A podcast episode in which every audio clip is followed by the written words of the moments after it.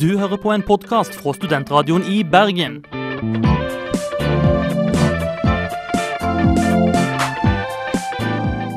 Denne og mange andre flotte podkaster finner du på podkast.srib.no.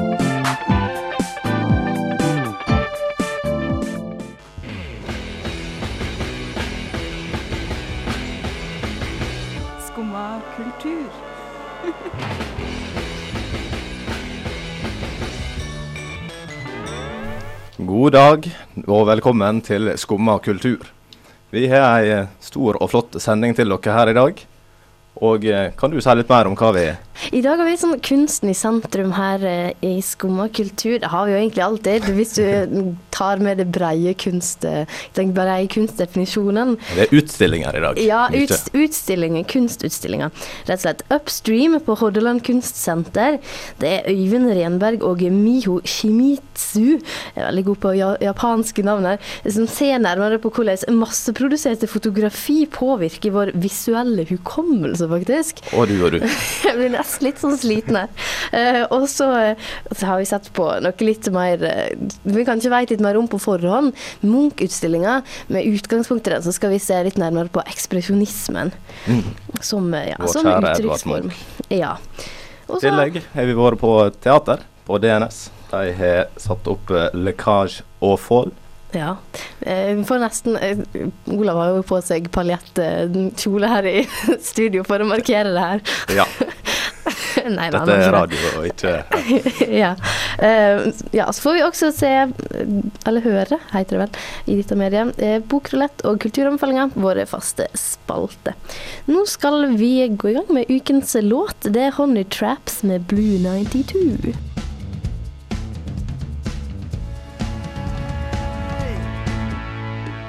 Det var ukens låt, 'Honey Traps Blue 92'.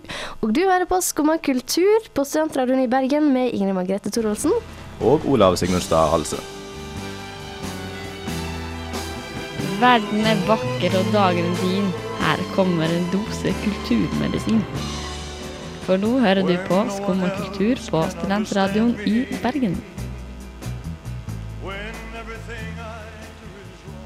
Nå skal vi ta litt for oss litt ekspresjonisme her eh, i Skumma kultur denne mandags formiddagen.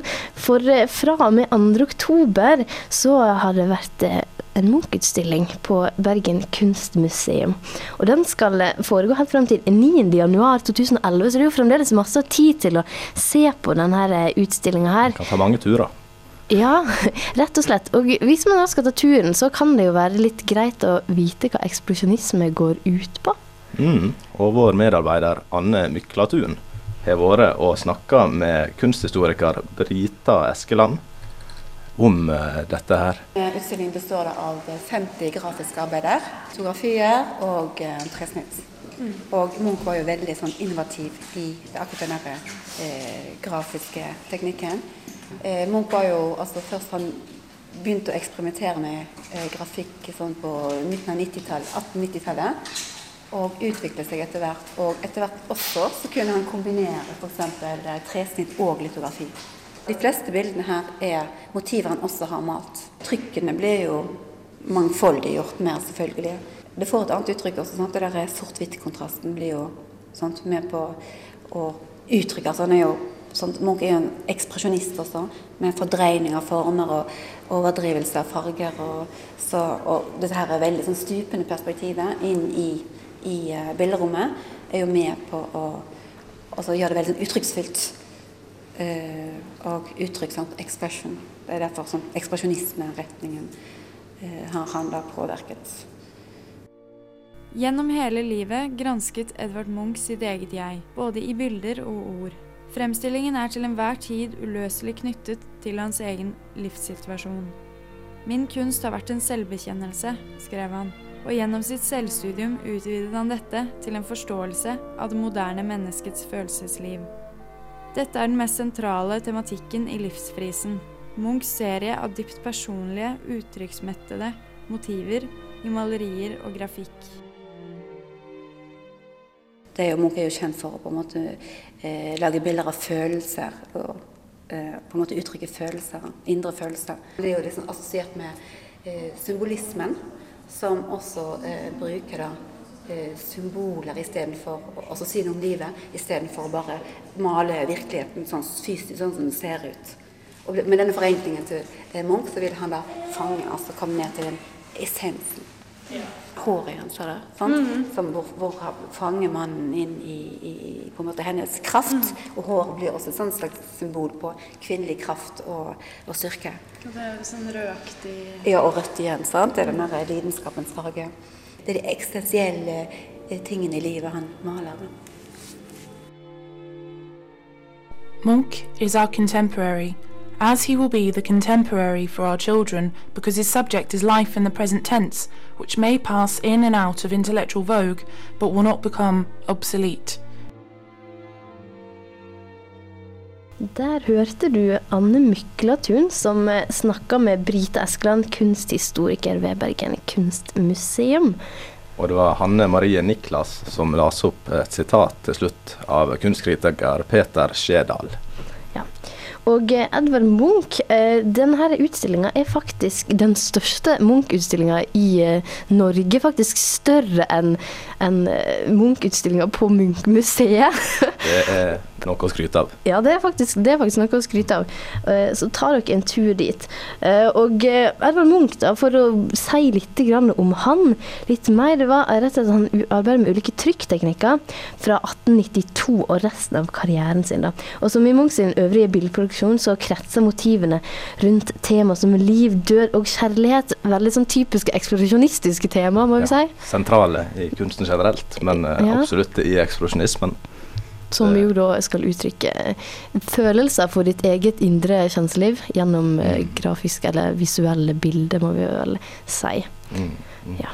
Og eh, ja, for, fra eksplosjonismen til eh, en en annen form for eksplosjonisme, kan vi si. Billie Holiday skal nå synge 'Them Their Eyes'.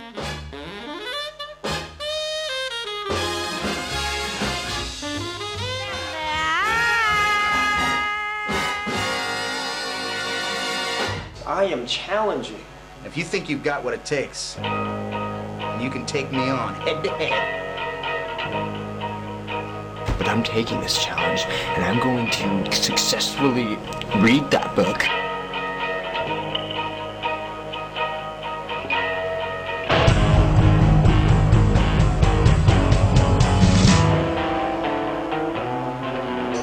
Nå er det tid for Bokruletten her i Skumma kultur, vår faste spalte der vi tar for oss boka 1001 bøker du skal lese før du dør. Så ruller vi rundt på siden, holdt jeg på å si, og, eh, og trekker ut en tilfeldig bok som en av våre medarbeidere skal få lese. Mm. og forrige uke var det Kristina Vensås som eh, trakk eh, Nei, Kristi, ja. Som Jo, eh, trakk boka. eh, Om mus og menn Ja, av av- John Steinbeck. Mm. Skrevet i 1937. Og han her eh, er jo en stor fyr. Fikk, fikk Nobels litteraturpris. Ja, eh, ikke, ja. Og filmen, har, eh, filmen seg, boka har også blitt filmatisert i 1992 med bl.a. John Malkovich. Malkovich er også en stor fyr. ja, i praktisk forstand, kanskje. Nei, uff. Eh, Lydklippene i innslaget det er da henta fra denne filmen her. Om mus og menn, en roman av John Steinbeck, forteller historien om to leiearbeidere i California under depresjonen i 1930-årene.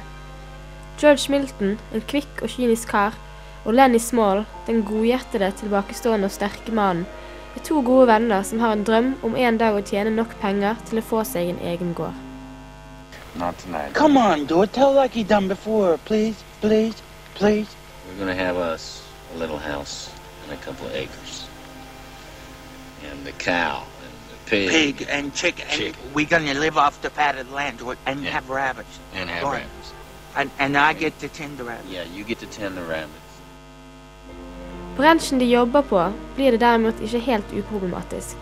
Curly, sjefens sønn, har et problem med å føle seg underlegen, og misliker dermed Lenny pga. hans utrolige styrke og størrelse, og gjør hverdagen vanskelig for de to vennene.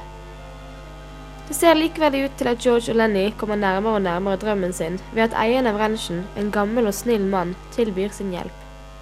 Men ting blir komplisert når Lenny, som liker å stryke myke ting, begår en stor, uintendert feil da han ved et uhell knekker nakken på Curlys forførende kone. Hvordan skal George klare å beskytte ham? Dette er en roman med et gjennomgående tema om vennskap.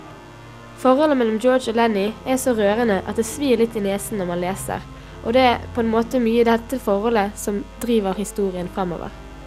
Lenny er som sagt ikke helt mentalt frisk, og George føler dermed et ansvar overfor han.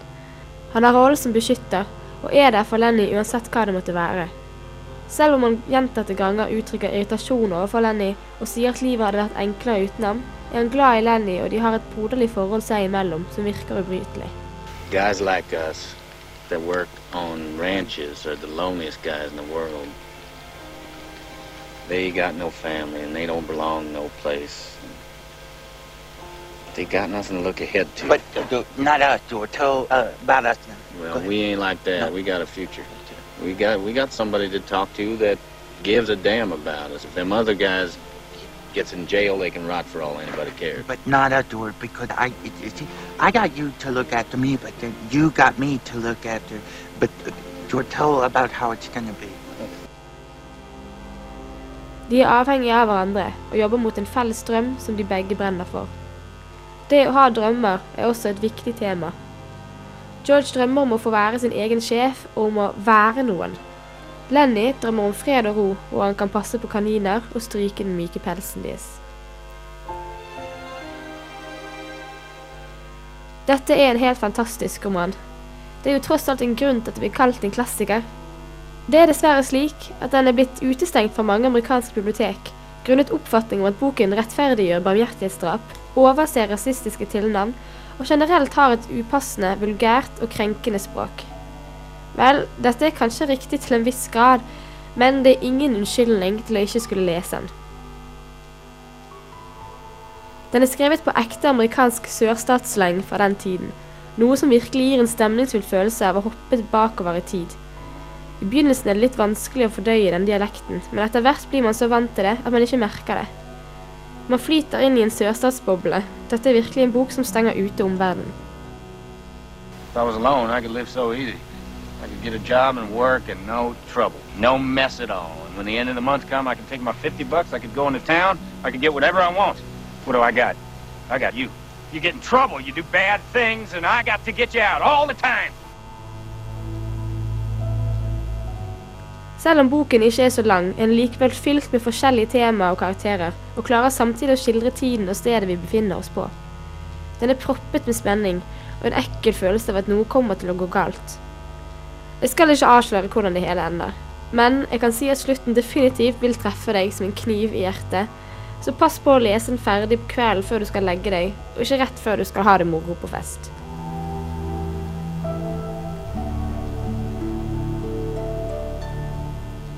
Det var Kristina Vensås som snakka om 'Mus og menn' av John Steinbeck. Og den boka den ofte, den blir, blir fremdeles eh, sensurert i USA ved enkelte skoler i enkelte stater.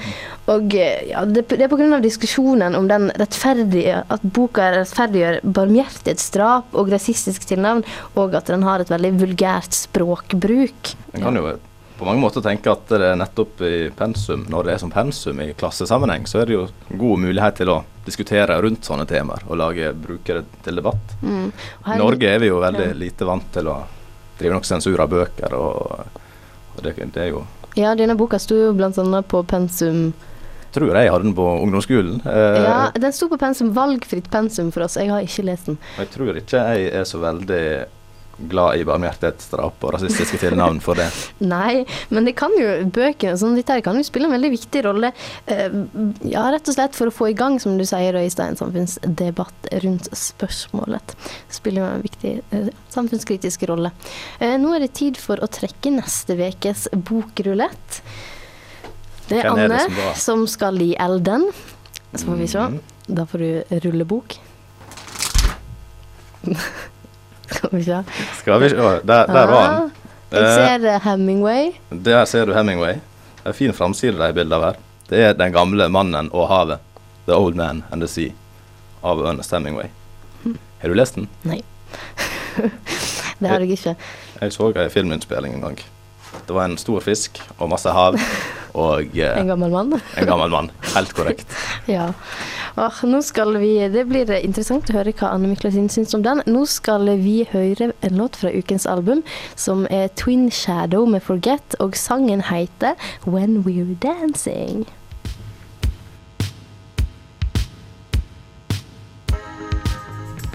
Der hørte vi en låt fra ukens album, 'When We're Dancing', med Twin Shadow. Og nå har vi fått besøk av Johanne, en av våre gode medarbeidere her i Skumma kultur. Hei, vel Johan hei velkommen, Johanne. Hei, hei. Veldig gira på å deg. God dag, god dag. Og vi skal straks få høre om eh, ei utstilling du var på. Hva var den heter? Upstream heter den, og den går i disse dager på Hordaland kunstsenter. Og det er de to kunstnerne Øyvind Renberg og Miho Shimizu som har analysert vårt forhold til den bildeverden og de masseproduserte objektene vi omgir oss med. Og den kunstnerduoen utforsker fenomenet reise, både som en personlig opplevelse og kreativ kritikk. En Og- upstream-reise, rett Ja, og slett. rett og slett. Og et sentralt utgangspunkt hos dem er det forholdet som eksisterer mellom betrakter, reisende og fortelling. Og i utstillingen så ser de da nærmere på den stereotype oppfatningen av natur i Norge, og hvor sterkt forankret vår visuelle hukommelse er påvirket av nettopp masseproduserte fotografier. Og flere av verkene i utstillingen er knyttet opp til turismens og popul populærkulturens eh, bildeverden. Hmm. Ikke verst. Vi får høre mer om det snart. Først skal vi høre noen andre som er sånn upstream. Congratulations med MGMT.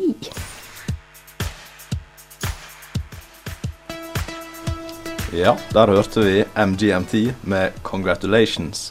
Og hva mente du med at det var upstream-låt, eh, Ingrid? Jo, for dette, vi har jo om utstillinga Upstream og congratulations, altså en gratulasjon. Du blir litt glad i det, sant? Du er på oppovervei, du er på upstream, du er medstrøm. Medstrøm og upstream, er det det samme? Nei, men vi kan ikke drive på med det her. Vi har, vi har en gjest her. Hei, hei. Ja, det var ikke helt logisk, kanskje. Uh, hei, Johanne. Du fortalte litt i stad om utstillinga, tematikken rundt uh, Upstream-utstillinga på Hordaland kunstsenter. Ja, det er jo de to uh, kunstnerne Øyvind Renberg og Miho Shmizu som sammen har laget en utstilling om fenomenet reise. Ja. Og det forholdet som eksisterer mellom betrakter, reisende og fortelling. Mm. Men hva er ut, altså bakgrunnen for å lage en sånn utstilling? Hva, hva begrunnes den i? Eh, Nei, altså De to eh, har liksom hatt et samarbeid i mange år og har reist. Og, og de påbegynte mm, begynnelsen av 2000-tallet. Der de fulgte reisende turister og naturelskere gjennom Vestlandets fjordlandskap. Og i eh, reisen i Vest-Norge så utforsket eh, Renberg og Schmisu reising som et inngrep i synskulturen. Hva er det du mener med det, da? Og det er at kunstnerne de la ut på, um, på alle slags reiser, med det for øye at de skulle åpne for en mer organisk forstyrrelse av reiseprosessen. Så de tok båt, tog og gikk til fots fra Bergen til Utne langs Hardangerfjorden, til Voss og tilbake igjen. Og underveis på denne reisen så besøkte de kulturinstitusjoner som kunst, Kunsthuset og Hardanger Folkemuseum. Og um, mens de var der, så registrerte de gjenstander i samlingene ved hjelp av fotografier, tegninger og akvareller. En slags innsamling av ulik kunst fra ulike plasser i hele Ei utstilling av utstillinga? Ja, egentlig. Eh, så prosjektet som helhet omfavner jo altså disse reisene og landskapene, institusjonene og samlingene som de etter hvert fikk. Eh, og det ble den utstillingen som er på, på Hordaland kunstsenter nå. Men hvordan materialiserer dette seg der nå? Hva, hva materialer er brukt, og hvordan? Det som er først viktig å bemerke seg, er at eh, prosjektet er utformet i to deler. Så det er én innledende visning ved Hordaland kunstsenter nå i oktober. Der de bl.a. har med noen studier til en bilderull, men ikke selve rullen. Eh, akvareller og trykte tegninger. Og tidligere verker. Og de har f.eks. et bordservise der, og en LP fra en reise de var på i Brasil. Disse kunstnerne har reist veldig mye sammen og bruker generelt det mye som utgangspunkt for eh, utstillingene sine. Eh, men- Bilderull altså, Jeg vet ikke helt hva det er for noe. Altså en, en analog bilderull. Så, og den, skal, den er bygd opp etter tradisjonelt eh, asiatisk fortellingsformat, da, og skal leses horisontalt med sammenhengende historier. Og her blir da bildene satt i en sammenheng, fordi jeg har tatt veldig mange bilder av dyr og gjenstander. Så reproduksjonen av de, og fra samlingene de har besøkt, og landskaper de har betraktet på reisene, kan ses i en slags uh, lineær historie på de bildene, da. Det her var første leddet i prosjektet. Hva er da neste steg? Ja, neste år skal kunstnerne skape et papirarbeid som skal vises på kunsthuset Kabuso, som også finnes i Hordaland. Uh, og det er Hordaland kunstmuseums utenforprosjekt. Og dermed så er på en måte Upstream både en utstilling som med eldre arbeid som tidligere er vist i andre sammenhenger, og så blir det neste år også nye arbeid som kanskje ses i en ny fatning, da, fordi det vil bli med annen kunst kombinert. Hva, hva tematikk ender dette opp i, på en måte? Hvordan, uh, og hvordan blir denne tematikken uttrykt? Altså I utstillingen så er det spesielt ett bilde som uh, utmerker seg. Og det er et bilde med ak akvarellmaling. Og der er de ment å representere en, en, hendingsgang der regionens fugler og dyr går sammen for å redde hverandre fra drukningsdøden. Det er en, en sel og en, et ekorn som sitter med en fisk oppå selen. Uh, og så er det en ugle som sitter oh, på Ja, det er det som de har på plakaten, ikke det? Mm, det er mm. kjenningsbildet til utstillingen. Uh, og er, for meg representerer i hvert fall det noe om at dyrene samarbeider, på en måte. uh, Litt som flukten fra dyreskogen? ja, egentlig. så det er på en måte representert ved et hav av smeltende isbreer og glødende himmel. Mm. En ganske klar og tydelig kritikk, mener jeg, av menneskeskapt miljøkatastrofe. Så da mm. inntar på en måte dyrene rollen som bedre mennesker siden de dårlige menneskene har det for travelt med å bli underholdt. Mm. Spennende. Ja. Hvor lenge og når kan man se denne utstillinga? Den går helt frem til 15. Eh, november, nei, 14. november. Og eh, Anbefaler du den? Absolutt. Den er, ja. Eh, det er bare at den er litt kompleks, så man må ta seg litt tid hvis man ikke har lyst til å bare få de overfladiske delene med, med utstillingen. Men det gjelder vel med all kunst. Mm. Ja, for Hordaland Kunst har jo hatt litt andre prosjekt under høsten. Blant annet så hadde vi i Skumma kultur besøk av Stian Oddansvik, og, som da samarbeider med Lutz Reine Müller i et prosjekt som heter You Only Love Me When You're Drunk. You, you Only Tell Me You Love Me When You're Drunk. Det er litt sånn spennende. Både det og så senere vi skal snakke om lakasje og fold her i Skumma kultur, de handler jo om litt sånn DNS har sitt tema, Hordaland Kunstsenter har sitt tema for høsten. Veldig sånn tematiske høstprogram fra forskjellige kunstnere kunstinstitusjoner. Absolutt. Mm. Ja, men da tror jeg vi sier takk til deg, Johanne, for at du ville komme og fortelle om uh, utstillinga. Takk for at jeg fikk komme. Mm. Nå skal vi høre Smith Western med 'Weekend'.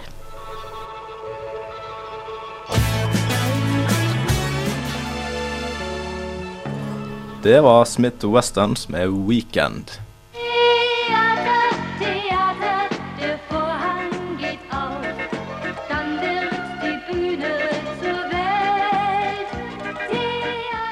Skumma kultur, programmet som trives på de skrå bredder.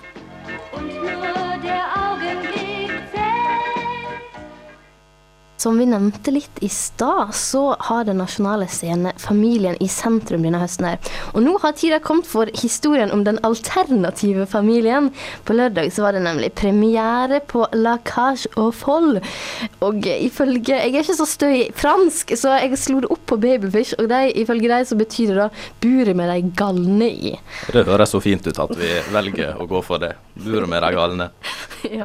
Eh, og vår medarbeider Ragnhild Jefsen er stort sett fornøyd med hva regissøren og koreografen Lisa Kent har klart å utrette.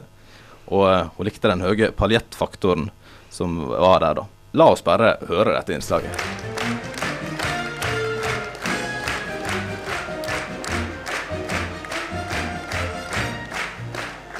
Endelig har tida kommet for å se teatersjefen i dameklær. Startskuddet har gått for musikalen 'La og Foll'. Dette er historien om det homofile ekteparet som må tre inn i rollen som tradisjonell mann og frue for en kveld. De konservative svigerforeldrene til Sondømmers kommer nemlig på besøk for å inspisere heimen dattera ønsker å gifte seg inn i. Tekstforfatteren Jerry Herman og Harvey Fierstein har med andre ord sørga for alle de klassiske ingrediensene i musikalkomedien fra 1973 et forelska ungt par og en konservativ far som ikke så lett lar seg overbevise, med den humoristiske intrigen som følger. Og ja, og så er mora til den unge karen stjerna på transvestittbula som ligger vegg i vegg.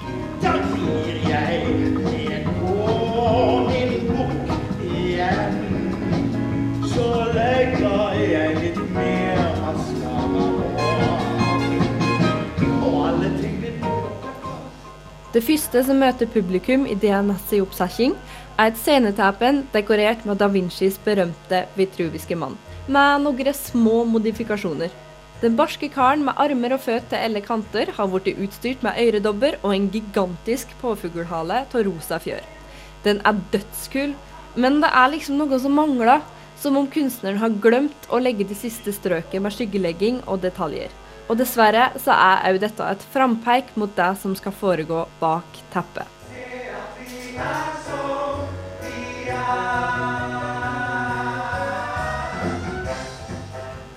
Og det er synd, for stykket er bra. Bruken av dreiescene tillater å vise både stygge og transebule uten kjedelige sceneskift, og showfaktoren er høy. Ikke minst lar jeg meg imponere av seks smekre mannedamer som danser seg inn i publikums hjerter i kostymer som kan få Melodi Grand Prix-veteraner til å rødme.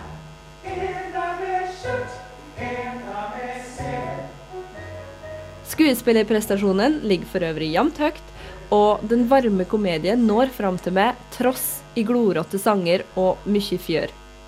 Jeg kan mellom annet nevne de to respektive fedrene i skikkelsen til Bjørn Wilberg Andersen og Stig Amdam. Og Vidar Magnussen i den klumsete tjenerrollen er, som vanlig, hysterisk morsom. Selveste Bjarte Hjelmeland gjør òg en god jobb som Transen Albim, men sistnevnte hadde egentlig ikke trengt å gjøre noe som helst, og uansett fått stormapplaus hver gang han entrer scenen i et nytt kostyme. Men det er vel ikke annet å forvente når teatersjefen sjøl stiller i hovedrolla.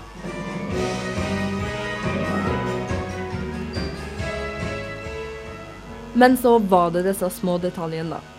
Skyggelegginga som ville fått publikum til å forlate salen med bakoversveis og et salig smil om munnen, mangler for min del. Kanskje var det litt for lite intensitet som gjorde det?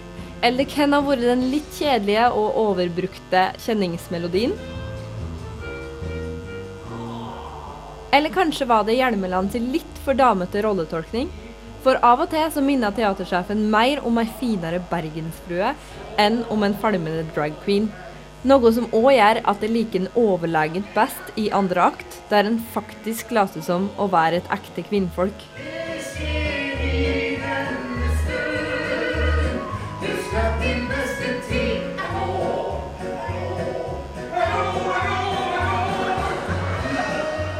Så bør du egentlig gå og se denne framsyningen.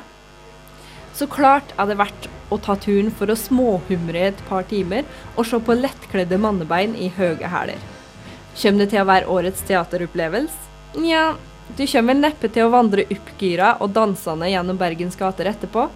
Men samtidig så advarer undertegna om en auka trong til å kjøpe klær med paljetter på, og ikke minst rød leppestift som glitrer.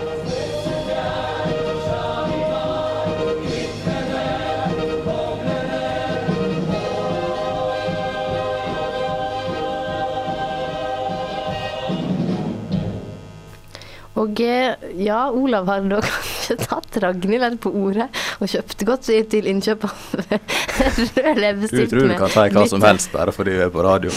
Men nei, det er sant, du har ikke sett sokkene mine i dag. Eh, de eh, Paljetter er dyrt, har jeg lært. Ja, og paljettfaktoren den var definitivt høy på storscene lørdag kveld, etter hva vi har hørt. eh, Som seg hør og bør når en får servert eh, storslått, eh, storslått show som det her. Og det var Ragnhild Jefsen som omtaler denne her premieren på DNS. Framsyninga, teateret, ble spilla ut i januar på store scener. Og har også fått veldig gode kritikker i andre aviser i dag. Ja, så Ragnhild var kanskje blant de mer kritiske av det, men eh, ja. Vi skal være litt kritiske her i Skumma kultur. Nå skal vi få høre Asa med 'Be My Man'.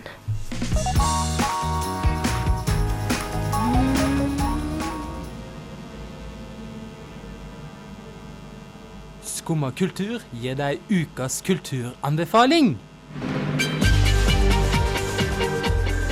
Ja. Og eh, først vil du anbefale et, eh, noe som skjer på Kaffe Opera på torsdag. Ja, vi har jo tatt litt for oss dette her tidligere eh, De er i gang med en ny serie der, de om, der det handler om litteratur på eh, Kaffe Opera på torsdager. Mm, Og nå- et samarbeid mellom ulike eh, litterære institusjoner. Ja. i Bergen, rett og slett. Mm, mm. Og denne torsdagen er det òg noe som skjer. Ja. eh, det er første utgave av eh, et uh, temakveld om musikk versus lyrikk. Veldig spennende tema ditt her, syns jeg. For altså, hva skiller musikkteksten fra bokpoesien? Hva, når kan du si at noe er bra musikk, når, eller bra musikktekst? Når kan du si at noe er bra bok, altså poesi, rett og slett? Mm, mm. Mm, hva skiller de to? Og hva posisjoner har de? Hvordan ser en på noe av det som er høyverdig enn annet, eller? Mm. Ja, for eksempel kan du, når kan du si at en poet eh, ja, stinker, og en sangpoet er briljant? Så litterært sett. Mm. Mm. Og eh, nå, den, dette er den første av tre torsdager som skal være via dette temaet. Og det er Pedro Carmona Alvarez som, er, som leder disse debattene. Um, nå på torsdag er det kunstkritiker og punkrocker Tommy Olsson som møter forfatteren, bergensforfatteren Erlend O. Nødtvedt. Ja, kanskje første, første mm, gjenhør, eller hva skal jeg si, litt ukjente navn for eh, oss. Vi har googla det litt, rett og slett. Tommy Olsson han er en kunstner, kurator og selvutnevnt pornograf, faktisk. Utdannet Utdanna kunstner ved Kunstakademiet i Trondheim. Ja, eh, og eh, han har òg til og med vært med i et eh, band, et metal-band som heter Theatre of Tragedy. Ja, Litt Så jeg vil jo regne med at han eh, har litt spennende tekster når han er invitert til denne kvelden. Jeg eh, vet dessverre ikke så mye om det, da. Men spennende spennende tekster vet jeg at Erlend O. Nødtvedt har. Eh, dikter fra Fyllingsdalen og eh, vinner av Ung poesiprisen i 2008. Og også Og- medlem av eh, Vagant. Ja, han er på vei oppover. Ja. Så dette foregår altså på førstkommende torsdag på Kafé Opera klokka åtte. Og eh, neste ja, kulturanbefaling her i Skumma kultur, det er rett og slett størrelse 42 på Knott på kloster... Knot, tror jeg det. er. På, på Klosteret 5 her i Bergen. Eh, Det er ei utstilling som foregår helt frem til 27. Eller helt fram til, den foregår fram til 27. november. Så du har litt sånn et par uker til på deg hvis du har lyst til å det med deg. godt. Og når jeg hører 42, så tenker jeg med en gang 'Hitchhiker's Guide to the Galaxy'. Ja, og jeg For det er jo svaret på alt. 42. Ja, det er svar på alt. Ja, eh, de har iallfall prøvd å utfordre det her temaet litt nærmere. Eh, ja, det er 30 originalverk, og eh, den Ja. Temaet er 42, rett og slett. Nå skal vi få høre 'Lykkelig' med Get Some.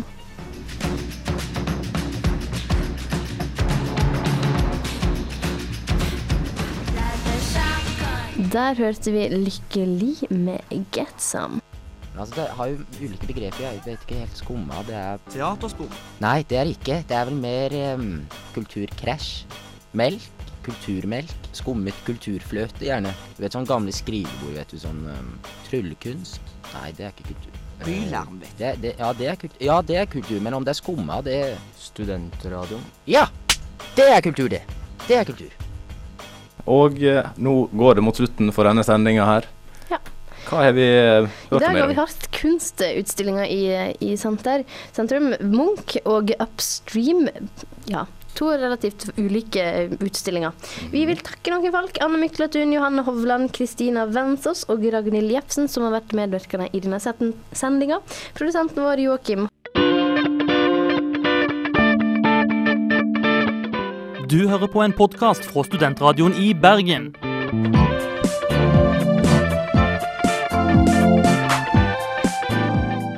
Denne og mange andre flotte podkaster finner du på podkast.srib.no.